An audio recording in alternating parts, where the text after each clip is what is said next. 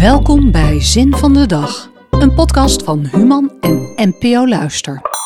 Als schrijver weet ik dat er wonden zijn die alleen door verhalen kunnen worden geheeld. Victoria Amelina. Het is twee jaar geleden dat Oekraïne werd binnengevallen door de Russen. Die oorlog duurt nog altijd voort. Er vallen elke dag nieuwe slachtoffers. Een van de slachtoffers was Victoria Amelina. Ze raakte op 27 juni 2023 gewond door een Russisch bombardement op de stad Kramatorsk en ze overleed een paar dagen later op 37-jarige leeftijd. Amelina schreef verhalen en gedichten. Oorlog verwoest niet alleen steden, schreef ze. Het verwoest een land vol verhalen. De oorlog veegt in één klap verhalen en namen van mensen uit.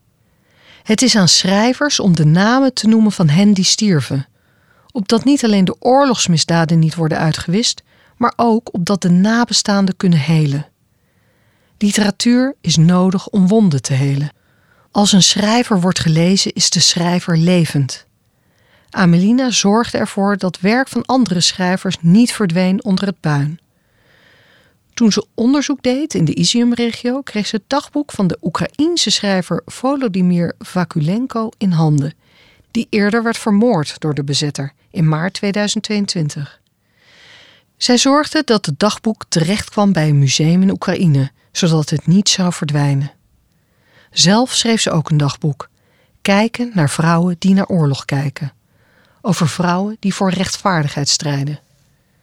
Literatuur is nodig om wonden te helen. Als een schrijver wordt gelezen of geciteerd, dan vergeten we niet de gruwelen van de geschiedenis en de mensen die daaronder lijden. Zoals Victoria Amelina zei: Als schrijver weet ik dat er wonden zijn die alleen door verhalen kunnen worden geheeld.